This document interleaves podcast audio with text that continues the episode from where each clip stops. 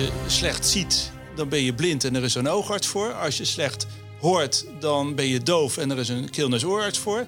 En als je slecht ruikt, hé, hey, wat ben je dan? Welkom bij Tussen Neus en Lippen, een podcast van reukspaakstoornis.nl, de patiëntenvereniging voor mensen met een reuk- en of smaakstoornis. Ik ben Edwin Mooibroek. Deze aflevering gaan we het hebben over de medische kant van een reukstoornis. De gast is Dick Koper, hij is KNO-arts en oprichter van de Reukpolie in het Reinier de Graaf ziekenhuis in Delft. Welkom. Goeiedag. Wat voor patiënten met een reukstoornis ziet u allemaal? Allereerst moet je misschien zeggen, ja, wat is een reukstoornis? Daar, daar kan je ook nog een heleboel dingen onder verstaan. Je kan ehm, totaal niets ruiken, dat noemen we anosmie. Of je kan minder ruiken, dat heet hyposmie.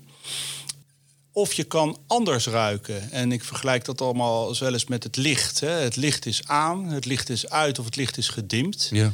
Dat is de vraag. Kijk, hier is het licht nu gedimd. Maar ik zie het wit en misschien ziet u het wel geel. En, uh, dat Iedereen is ziet dus- het anders eigenlijk en dat is hetzelfde ja, met reuk. Ja, dat is ook zo. Dus eh, je hebt het iets over de kwantiteit van reuk, dus de sterkte van reuk en de kwaliteit van reuk. Van hoe, hoe ruik ik nou eigenlijk? En er zijn dus ook patiënten die anders ruiken. Zeg maar, in plaats dat ze koffie ruiken, ruiken ze bosviooltjes. Dat, zijn de reukvervormingen eigenlijk. Vervormingen, precies. En dat noemen we parosmie. Dus dit is een heel palet van klachten die een patiënt rond de reuk kan hebben. En Maar wat gebeurt er dan als mensen last hebben van de reukvervormingen? ja, dat is, dat is een goede vraag. Want dat is een beetje de. Eerst moet je goed uitkijken, goed bekijken of het iets met het reukorgaan zelf te maken heeft. Hè? Dus in de neus, of daar het probleem zit. Of dat het in eh, hogere sferen zegt, zeg maar. eh, hè, dat, waar de verwerking van reuk plaatsvindt in de hersenen. Dat zou ook nog wel eens kunnen leiden tot het vervormen van reuk. Wat, wat- wat zijn de verhalen van uw patiënten? Wat doet het met mensen als ze geheel of gedeeltelijk niet meer kunnen ruiken... of misschien last hebben van ja, die reukvervormingen? Ja.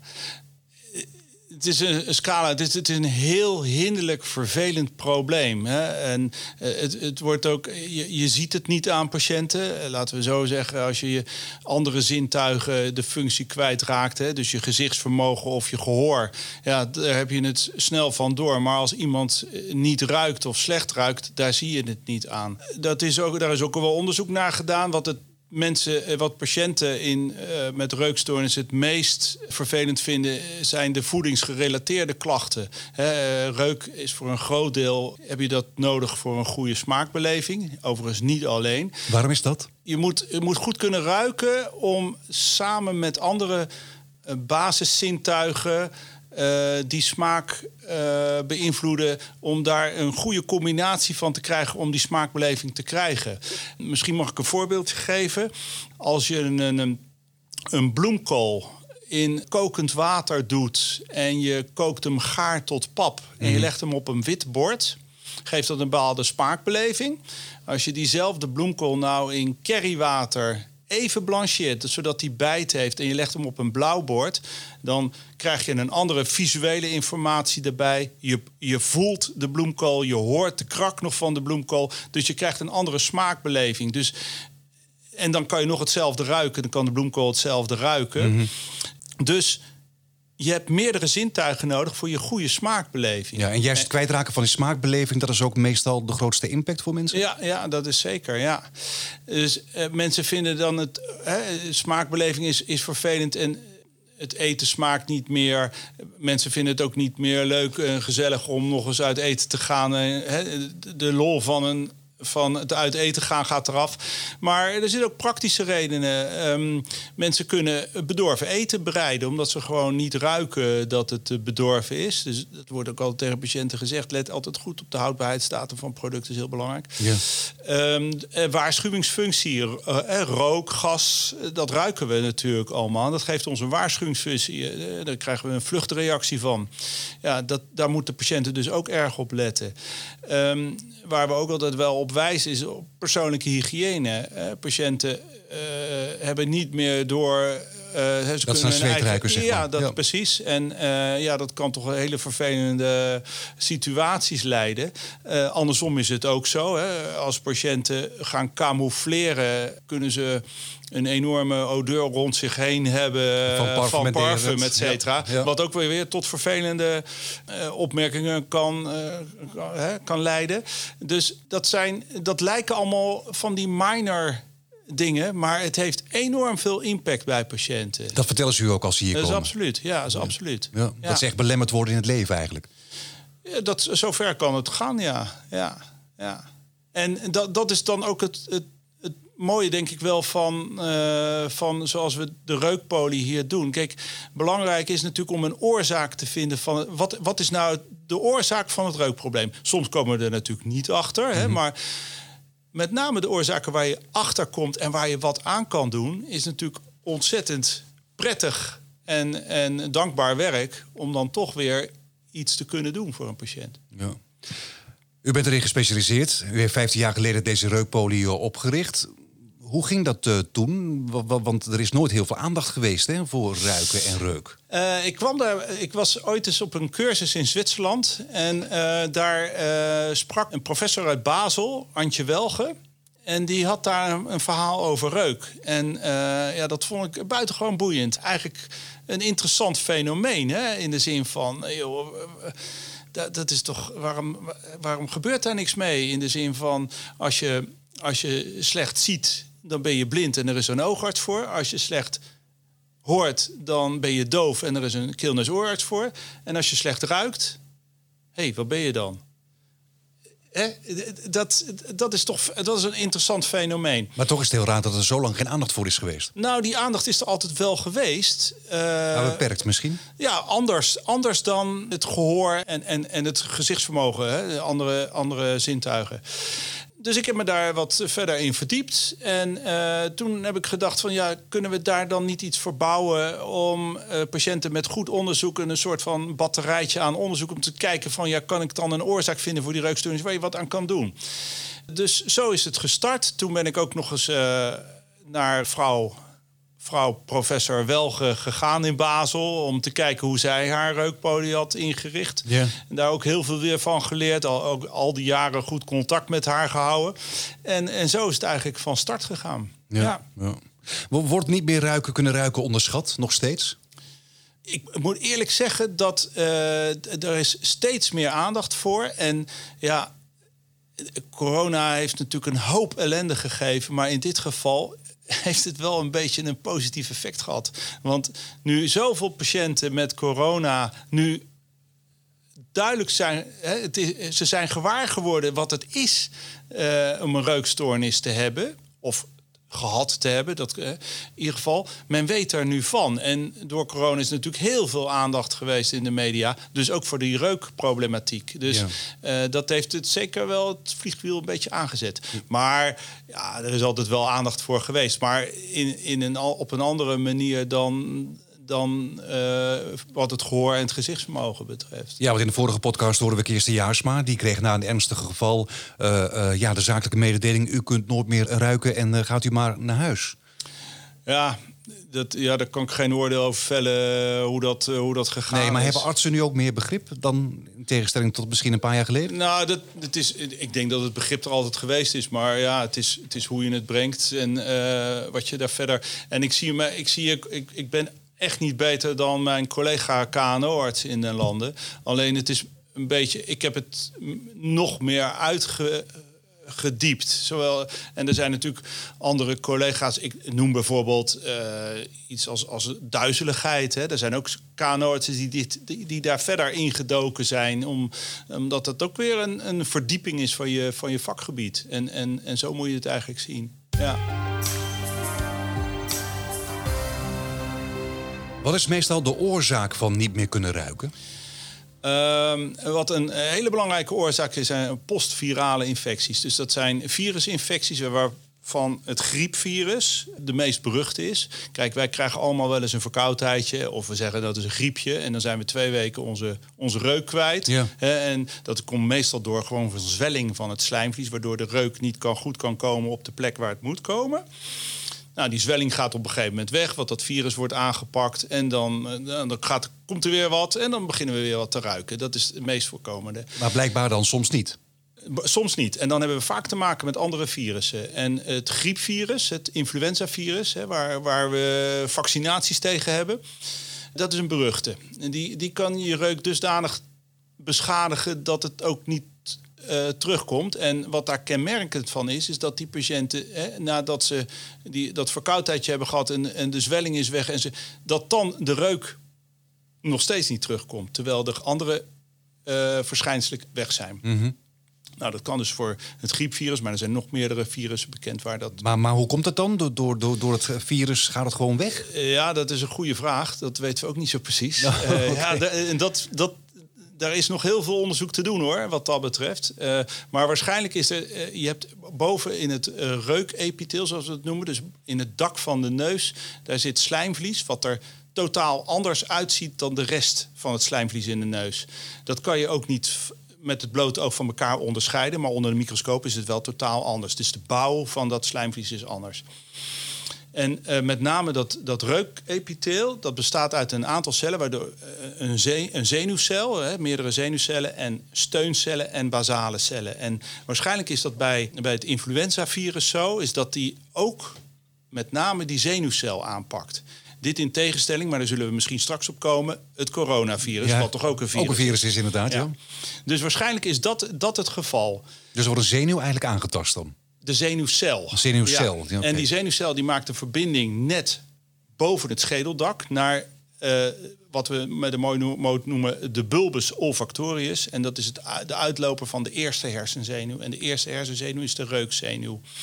En er zijn ook, ook onderzoekingen geweest waarbij uh, waarbij we zien dat, dat, dat ook daar cellen wel door zo'n virus kapot gemaakt kunnen worden. Ja, maar zo'n cel kan hij zich weer aanmaken.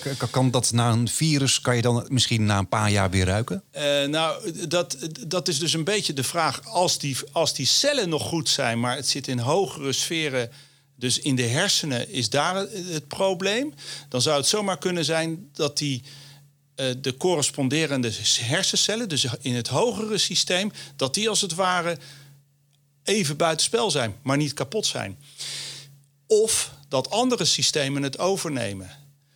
Hersenen zijn plastisch. Dus uh, laten we zeggen, je kan het je voorstellen als iemand een, een hersenbloeding heeft gehad of een herseninfarct heeft gehad en zijn arm niet meer kan bewegen. Dan kan je nog best met fysiotherapie kijken of je er wel beweging in kan krijgen. En dat komt gewoon niet omdat dat gedeelte van de hersenen wat kapot is, weer gerepareerd wordt of iets dergelijks, maar dat andere gebieden van de hersenen die functie overnemen. Ja, ja. Dus um, dat is ook zeer wel mogelijk dat dat met het herstel van reuk ook wel zo werkt. Ja. Uh, alleen dat is ja, met onderzoek heel lastig aan te tonen natuurlijk. En hoofdtrauma is ook een van de ja, oorzaken? dat is de tweede grote groep. Um, schedeltrauma's wordt altijd va vaak van gedacht van... Uh, als je een hersenschudding hebt gehad, of nog erger, hè, op een IC hebt gelegen na groot neurotrauma of iets dergelijks, dat je reuk weg is. Dat is niet per definitie zo. We herkennen eigenlijk drie verschillende vormen van reukstoornis daarna.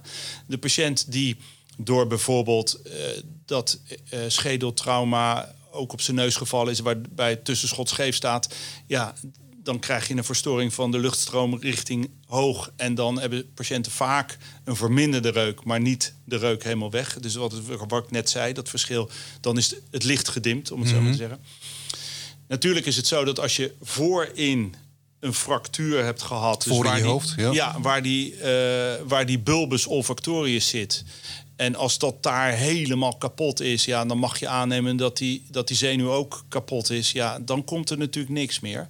Maar er is een flinke groep patiënten die na zo'n trauma de reuk kwijt zijn, helemaal kwijt zijn, op basis van het feit dat de hersenen gewoon, ja, we noemen het niet voor niks een hersenschudding, als het ware zo geschud zijn dat ze weer even gereset moeten worden. En kan het dan, dat resetten? Ja, dat kan zeker. Ja, dat en hoe kan. doe je dat dan? Uh, dat doen we met reuktraining.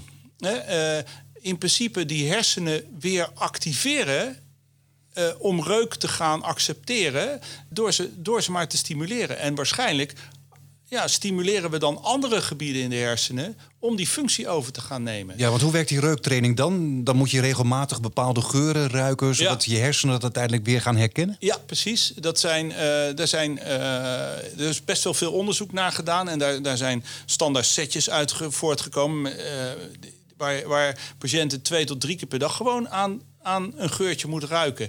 En maar het moet dan een hele sterke geur zijn waarschijnlijk dan? Ja, die, het, het, hoeft niet zo vreselijk sterk te zijn. Want als er niks, geen blokkade is... dan moet je aannemen dat de geur ook gewoon aankomt... en, en naar boven verwerkt wordt. Um, en uh, het is ook heel belangrijk dan om ook met name goed naar zo'n potje te kijken. Zeggen van, oké, wat hoort hierin te zitten? Oké, dit geurtje wat nu boven komt... dat moet ik dus gaan interpreteren als zijnde dat. het geurtje wat erin zit. Want je hebt die geurherinnering nog van voordat je je reuk kwijt was. Dan moet je ongeveer nog een klein beetje weten hoe het dan zo ruikt. Ja, precies, precies. En zo kan je trainen. Zo kan je trainen. Dit in tegenstelling natuurlijk bijvoorbeeld, en dat is ook een groep van, van patiënten met reukstoornissen die, uh, die geboren worden zonder reukzenuw. Dat gebeurt ook. Die, die, die ja, zeker. en die, dat kan. Ja, het hangt er een beetje vanaf. Uh, we denken meer dan dat, uh, dat er in literatuur beschreven staat, omdat niet iedereen daarmee komt. Want als je nooit geroken hebt, weet je niet wat je mist. En uh, de patiënten die ik uh, daarvan gezien heb, zeg maar, die komen dan en dan vraag ik ook, dat zijn vaak jonge mensen, en zeg goh, je hebt nooit geroken, hoe ben je daar dan achter gekomen, wijze spreken? Ja, dat is een open deur natuurlijk, want ze zeggen altijd de omgeving zegt het. Je, je komt in een situatie waar de omgeving zegt, maar ruik je dat niet? Nee, nee. En dan, dan, ga je er zo op letten. En maar dan, dan zijn ze misschien al wel uh, 16, 17 ja, of ouder? Klopt, ja, klopt. En dat kan uh, gewoon een aanlegstoornis zijn waar we geen oorzaak van weten. Het kan ook in de vorm van een syndroom zijn. Uh, een, een voorbeeld daarvan is het syndroom van Kalman. Waarbij die reukzenuw niet is aangelegd. En die mensen ook een stoornis hebben in de productie van hun geslachtshormonen. Mm -hmm. Dus die moet je ook zeker nalaten kijken. Jonge meisjes van, die net in de puberteit gaan komen of hun eerste menstruatie gaan krijgen, is voor mij dan ook een vraag op de poli van joh, ben jij normaal in je menstruatie teruggekomen? Want als dat zo is, ja, dan kan je dat syndroom bijna wel uitsluiten. Want als je dat syndroom hebt, uh, dan komen ze niet gewoon in een menstruatie of een menstruatieprobleem. Ja? En ruik je niet. En ruik je niet, ja, totaal niet, hè? niks. Maar ja. nooit gedaan. Nee. Is, is het makkelijker als je nooit hebt geroken? Ja, dat is, een goeie. Uh, en zeker voor iemand die ruikt, is dat zo. Maar dat weet ik niet. Uh, dat zou je moeten vergelijken met mensen die doof geboren worden en later doof worden. Hè? En uh, daar is, ja, ik ben natuurlijk KNO-arts, dus ik, ik schijn ook wat te weten over, reukst, over, uh, over gehoorstoornissen. Er is altijd een discussie over geweest hè, van uh, dove kinderen die doof geboren worden. Moeten wij nou wel uh, zo ver gaan om die kinderen weer te laten horen? Wat zijn ze niet beter af door doof te zijn en Waarom? met, Waarom? met gebarentaal dingen te Omdat ze, omdat ze niet beter weten eigenlijk.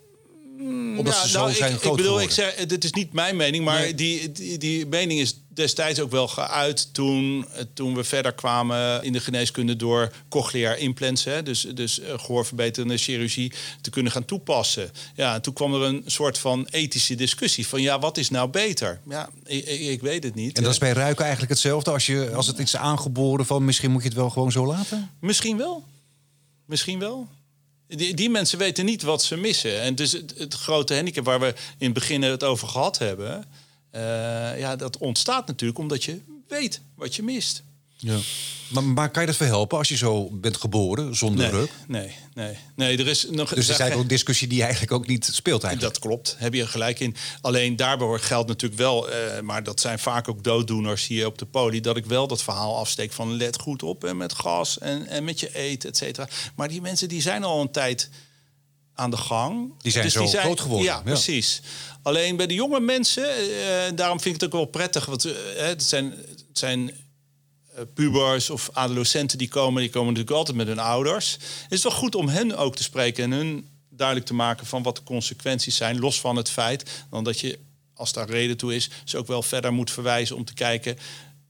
Of Eh, andere dingen zijn. Precies, precies, Ja, precies. Maar goed, er zijn dus mensen die eh, aangeboren niet kunnen ruiken. Ja. Mensen die door hoofdtrauma eh, eh, niet meer kunnen ruiken. Mensen die door een virus dus niet meer kunnen ruiken. Correct. Ja, en dat virus wat nu dus in de belangstelling staat, het coronavirus... dat zorgt er dus ook soms voor dat mensen niet meer kunnen ruiken. Ja, ja.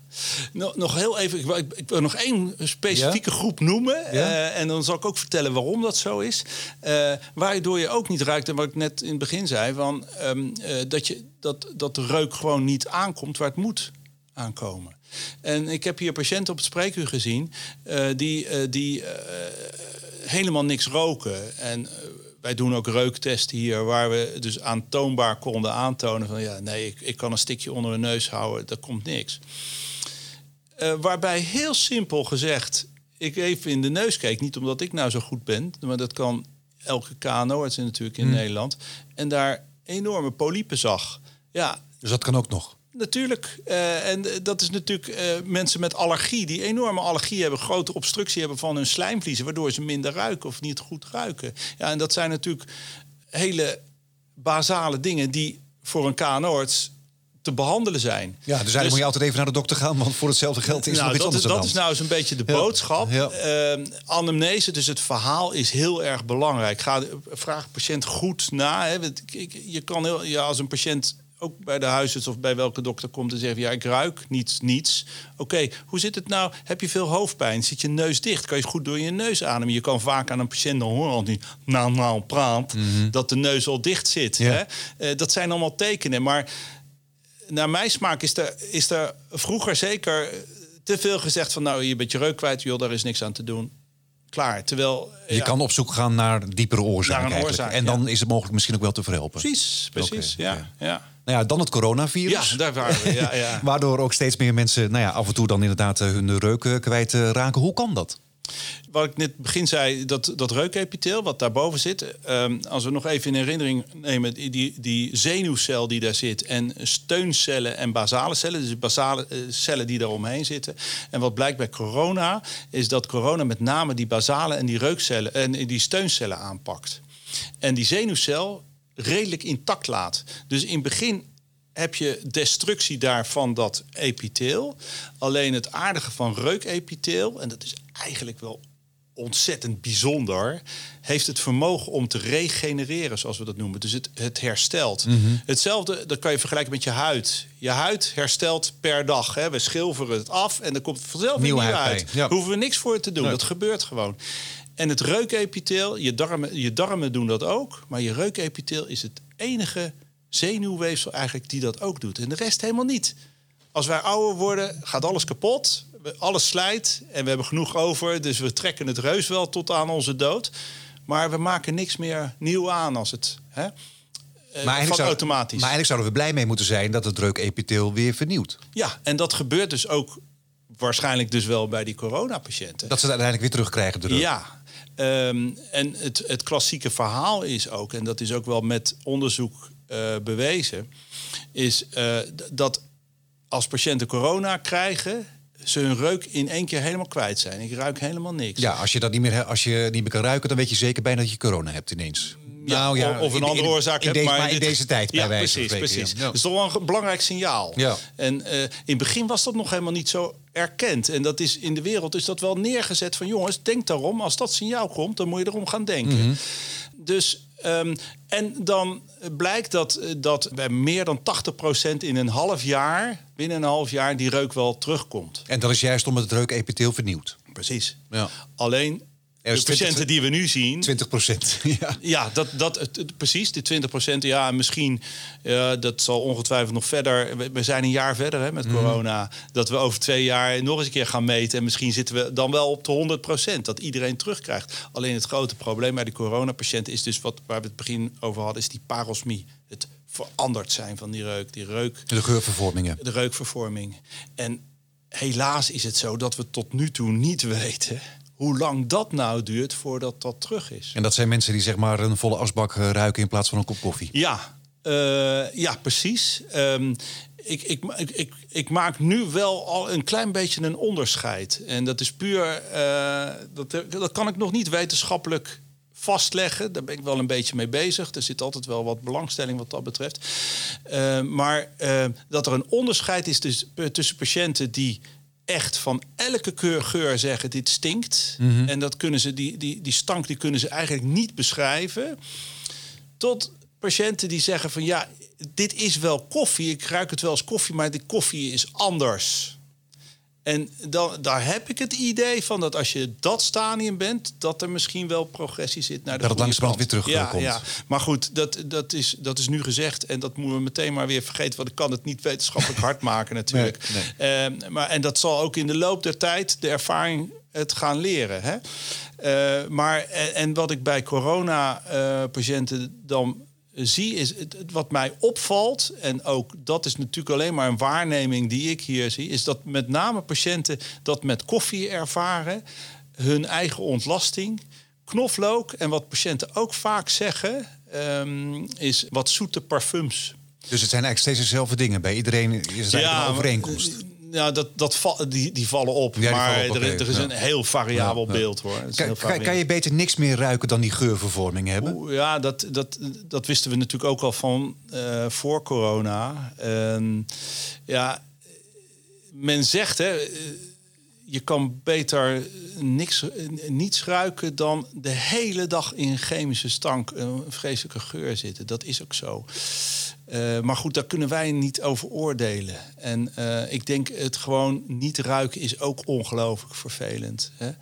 En um, je moet ook zeker niet, dat is ook wel gedaan hoor in de wereld, dat dokters dat reukepitheel kapot maakten vanuit het idee van dan ben je ook die vieze geuren kwijt, want dan is oh ja? het gewoon allemaal kapot. Oh ja, maar dat, dan moet je, ja, dat is gebeurd. Oh. Maar dan moet je wel zeker weten dat je daar het probleem mee oplost. En dat het ook nooit meer kan herstellen natuurlijk. Precies, precies. Want als je het helemaal kapot hebt gemaakt, dan herstelt het inderdaad nooit meer. Ik, ik zou dat echt never nooit doen. Want dat, dat, dat kan natuurlijk eigenlijk niet. Nee. Ten meer ook omdat we ja, toch wel duidelijk is dat die reukvervorming niets te maken heeft met het slijmvlies zelf, dan wel met de. Hè, de, de, de, hoe, de, hoe het samenwerkt met de hersenen. Precies, de, Ja. de verdere verwerking. Dus ik, ik kon me ook niet iets bij voorstellen dat dat nou een, eh, een goede, goede Nee. therapie is. Maar bij de coronapatiënten, bij 80% komt uiteindelijk dus de geur weer terug. Ja, En ja. voor die 20% is het nog onduidelijk. nog onduidelijk, ja. Het ja. zou kunnen dat het terugkomt, maar het zou ook kunnen zijn dat ze gewoon nooit meer kunnen ruiken. Dat, dat zou kunnen, ja. ja. Alleen we weten nog niet waarom. Nee, nee.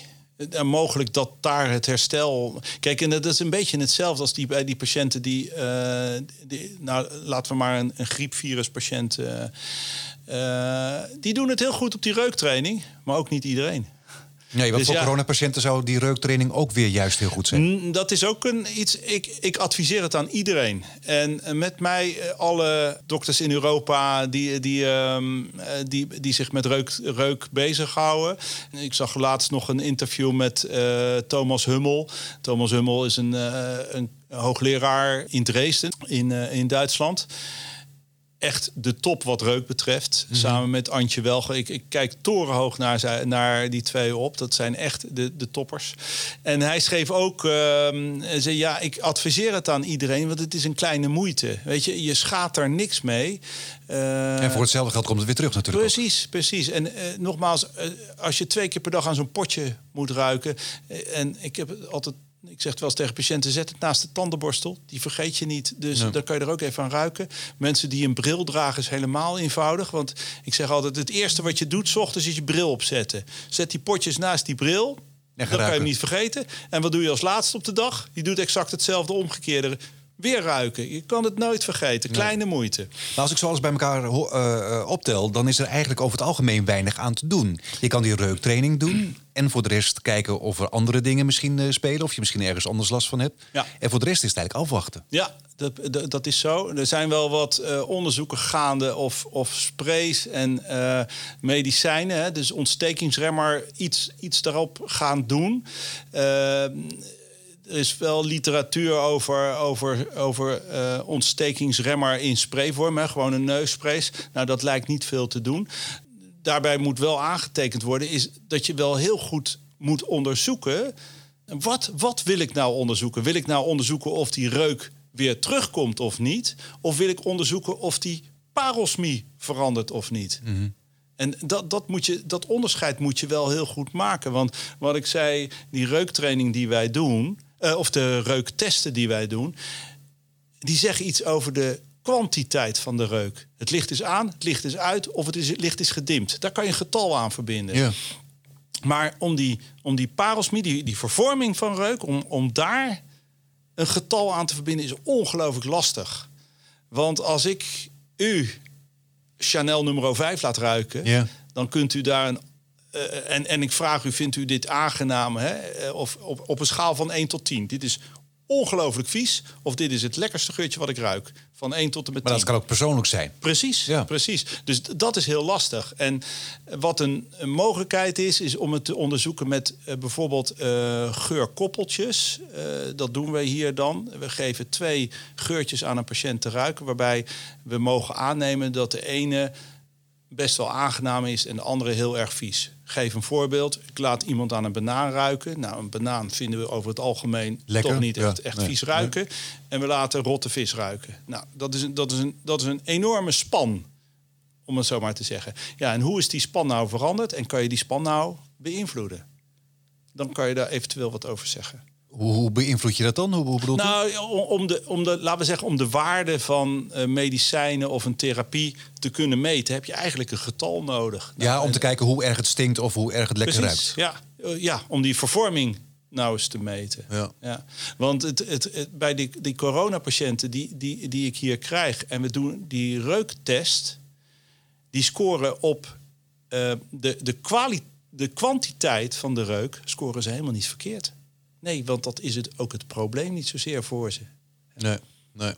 Maar toch, het lijkt me voor patiënten dan inderdaad best ingewikkeld. Om, je, kan het ook, je kan je er nooit eigenlijk echt bij neerleggen. Omdat er steeds misschien altijd een kans blijft van... ja, komt het terug of niet? Ja. Dus je blijft steeds in die onzekerheid zitten van... moet ik nou mijn hele leven doorgaan met niet ruiken? Ja. Of, of ineens misschien van de een op andere dag...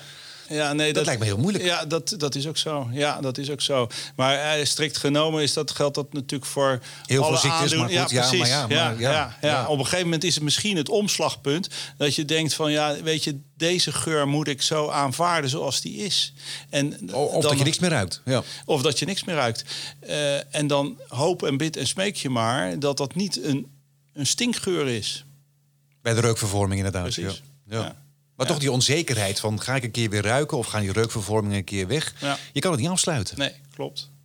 Nee, dat ben ik me terdege van bewust. En ik, ik kan er niks aan doen. Nee, nee. maar Nee. Zegt, zegt u niet af en toe eens tegen mensen van... ja, nou ja, eh, wacht maar af?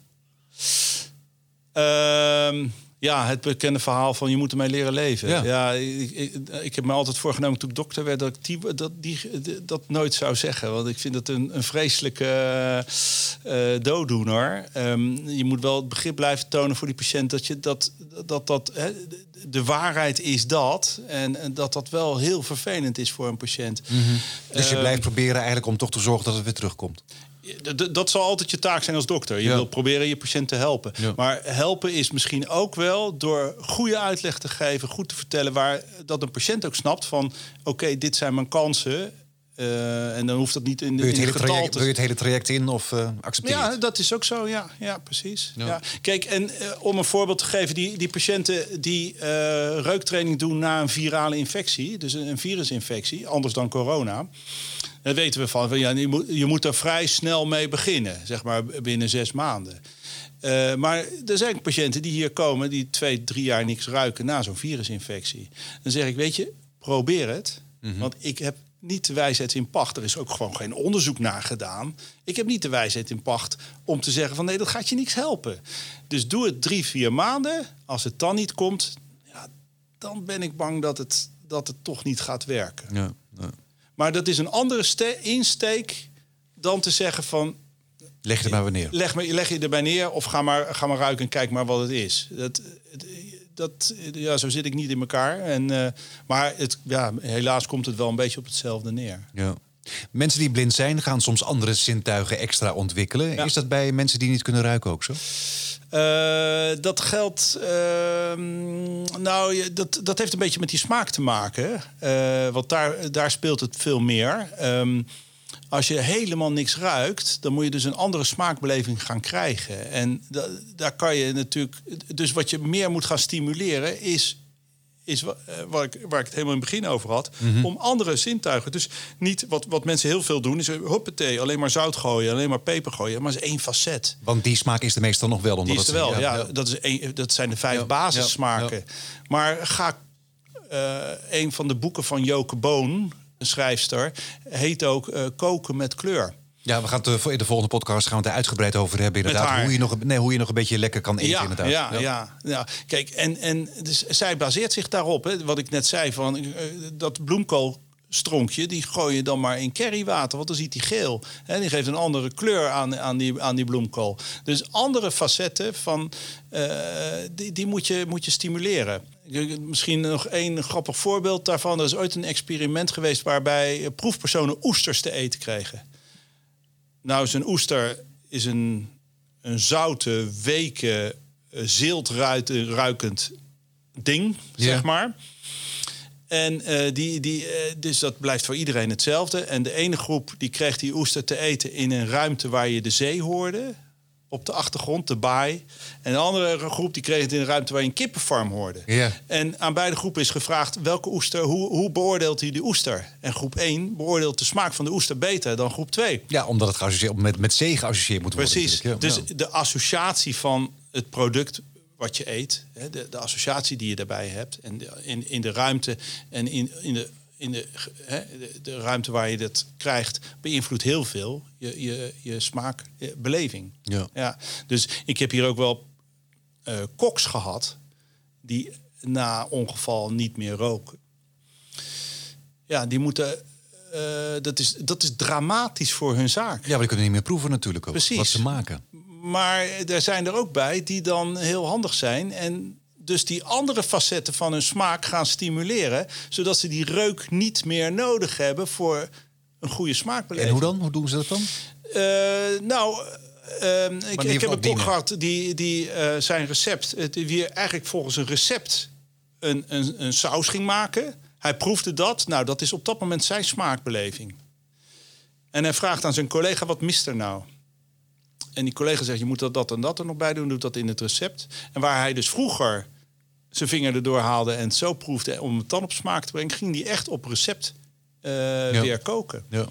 Ja, Kan dat niet is- anders. dat kan niet anders, maar hij was wel weer blij dat hij zijn... Vak weer kon eh, beoefenen. Precies, ja, precies.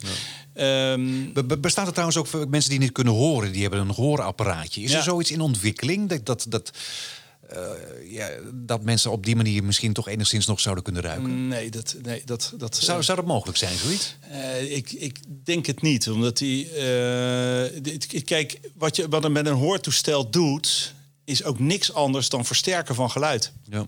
Hè, eh, een hoortoestel is heel simpel gezegd een microfoon en een telefoon.